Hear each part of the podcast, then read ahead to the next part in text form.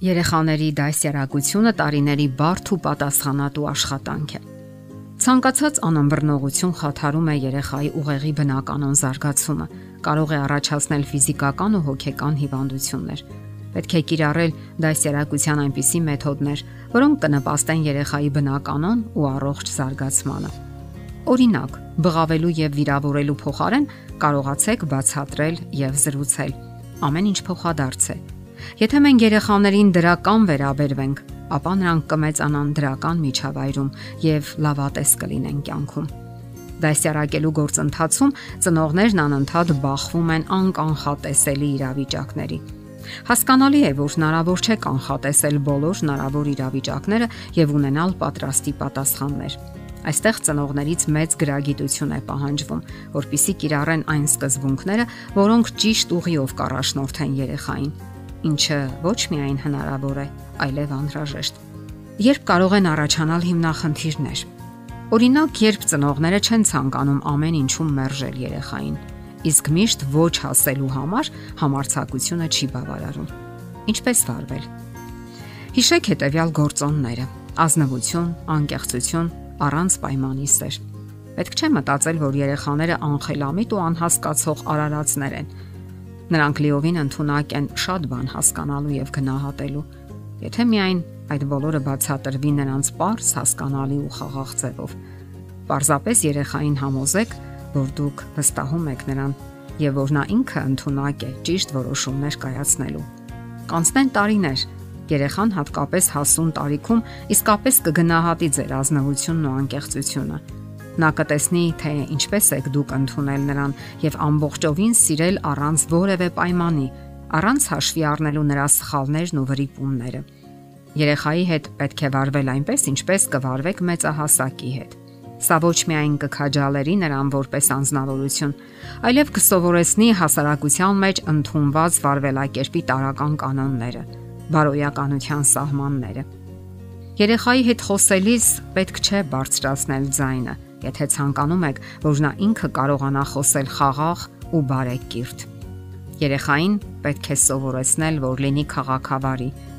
Եթե ծնողներն իրենց արժև նպատակ են դնում բարեկրթություն սովորեցնել երեխային, ապա առաջին հերթին իրենք պետք է լինեն բարեկիրթ ու քաղաքավարի միմյանց հետ, ուրիշների հետ, որովհետև երեխաները պարզապես փոխ են առնում ծնողների վարքագիծը։ Երեխայի ներկայությամբ հարկավոր է խուսափել կեղտոտ բառերից, որևէ մեկի հասցեին նետված ամփույթ վիրավորական բառերից։ Նրանք ընդունակ են ոչ միայն հիշել դրանք, այլև որ ավելի վատ է օգտագործել այդ բառերը։ Հետագայում դժվար կլինի հետ պահել նրանց այդ բառերն օգտագործելուց եւ ավելի լավ կլինի ընդհանրապես թույլ չտալ, որ նման իրավիճակներ առաջանան։ Ծնողները նաև պետք է կարողանան ընդունել սեփական սխալները Իհարկե, շատ ծնողներ սա համարում են մահացու անարգանք իրենց հասցեին եւ ոչ մի կերպ չեն ցանկանում ընդունել, որ իրենք սխալվել են։ Իսկ դա այդպես չէ։ Բազմաթիվ են այն դեպքերը, երբ ծնողները սխալներ են թույլ տալիս այս կամ այն իրավիճակներում։ Սեփական սխալը ընդունելը միանգամայն բնականon է եւ միայն դեպի դրականին է տանում։ Երեխան հասկանում է, որ ծնողները նույնպես կարող են սխալվել եւ միանգամայն բնական կընդունի նրանց սխալները։ Շատ կարևոր է երեխային հասկացնել, որ թույլ տրված սխալը հարկավոր է ուղղել եւ անպայման ներողություն խնդրել դրա համար։ Այդ ժամանակ նա կսկսի գիտակցել իր արարքների արժեքն ու կարևորությունը։ Շատ կարևոր է ընդհանրապես ծնողների հոգեբանական կայունությունը։ Հայրն ու մայրը չպետք է հակասեն միմյանց եւ ամեն ինչ սկսեն իրենցից։ Երեխաները բնականաբար կրկնօրինակում են մեծահասակներին եւ դրական օրինակը կոգնի ու կողքեշնչի նրանց։ Եվ ծնողների միմյանց հանդեպ անկալ ու բարյացակամ վերաբերմունքը կստեղծի ընտանեկան գեղեցիկ մթնոլորտ եւ երջանկություն կապարքեվի երեխաներին։ Ահա թե ինչու կարևոր է, որ միշտ լավ տրամադրության մեջ լինեք։ Ճիշտ ծնվեք, ժամանակին հանգստացեք, առողջ եւ ակտիվ կենսաձև վարեք։ Լավ օրինակ թողեք երեխաներին Հետևեք նաև ձեր հուզական վիճակին։ Պետք չէ հոգնել այնքան, որ պորտքումներ ունենաք եւ սկսեք բռնկվել։ Ունեցեք սթափ դատողություն եւ խաղաղ հոգեվիճակ։ Իսկ ինչպես վարվել, եթե երեխաները վատ վարքագիծ են դրսևորել։ Հոգեբաններն այսպիսի խորհուրդ են տալիս.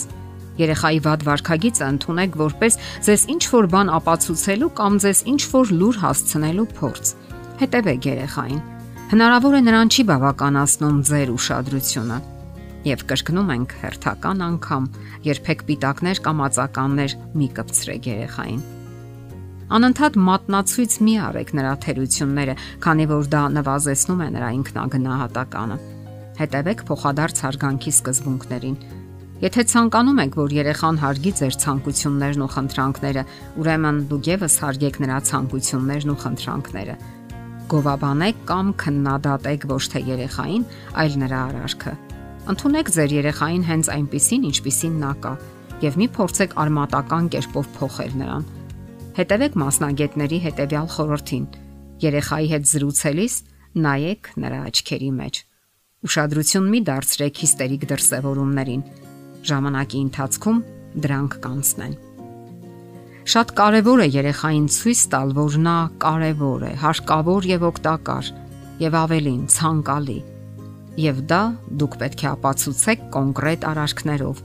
խնամքի եւ հոգատարության դրսեւորումներով։ Երեխայի կարիքները պետք է բավարարված լինեն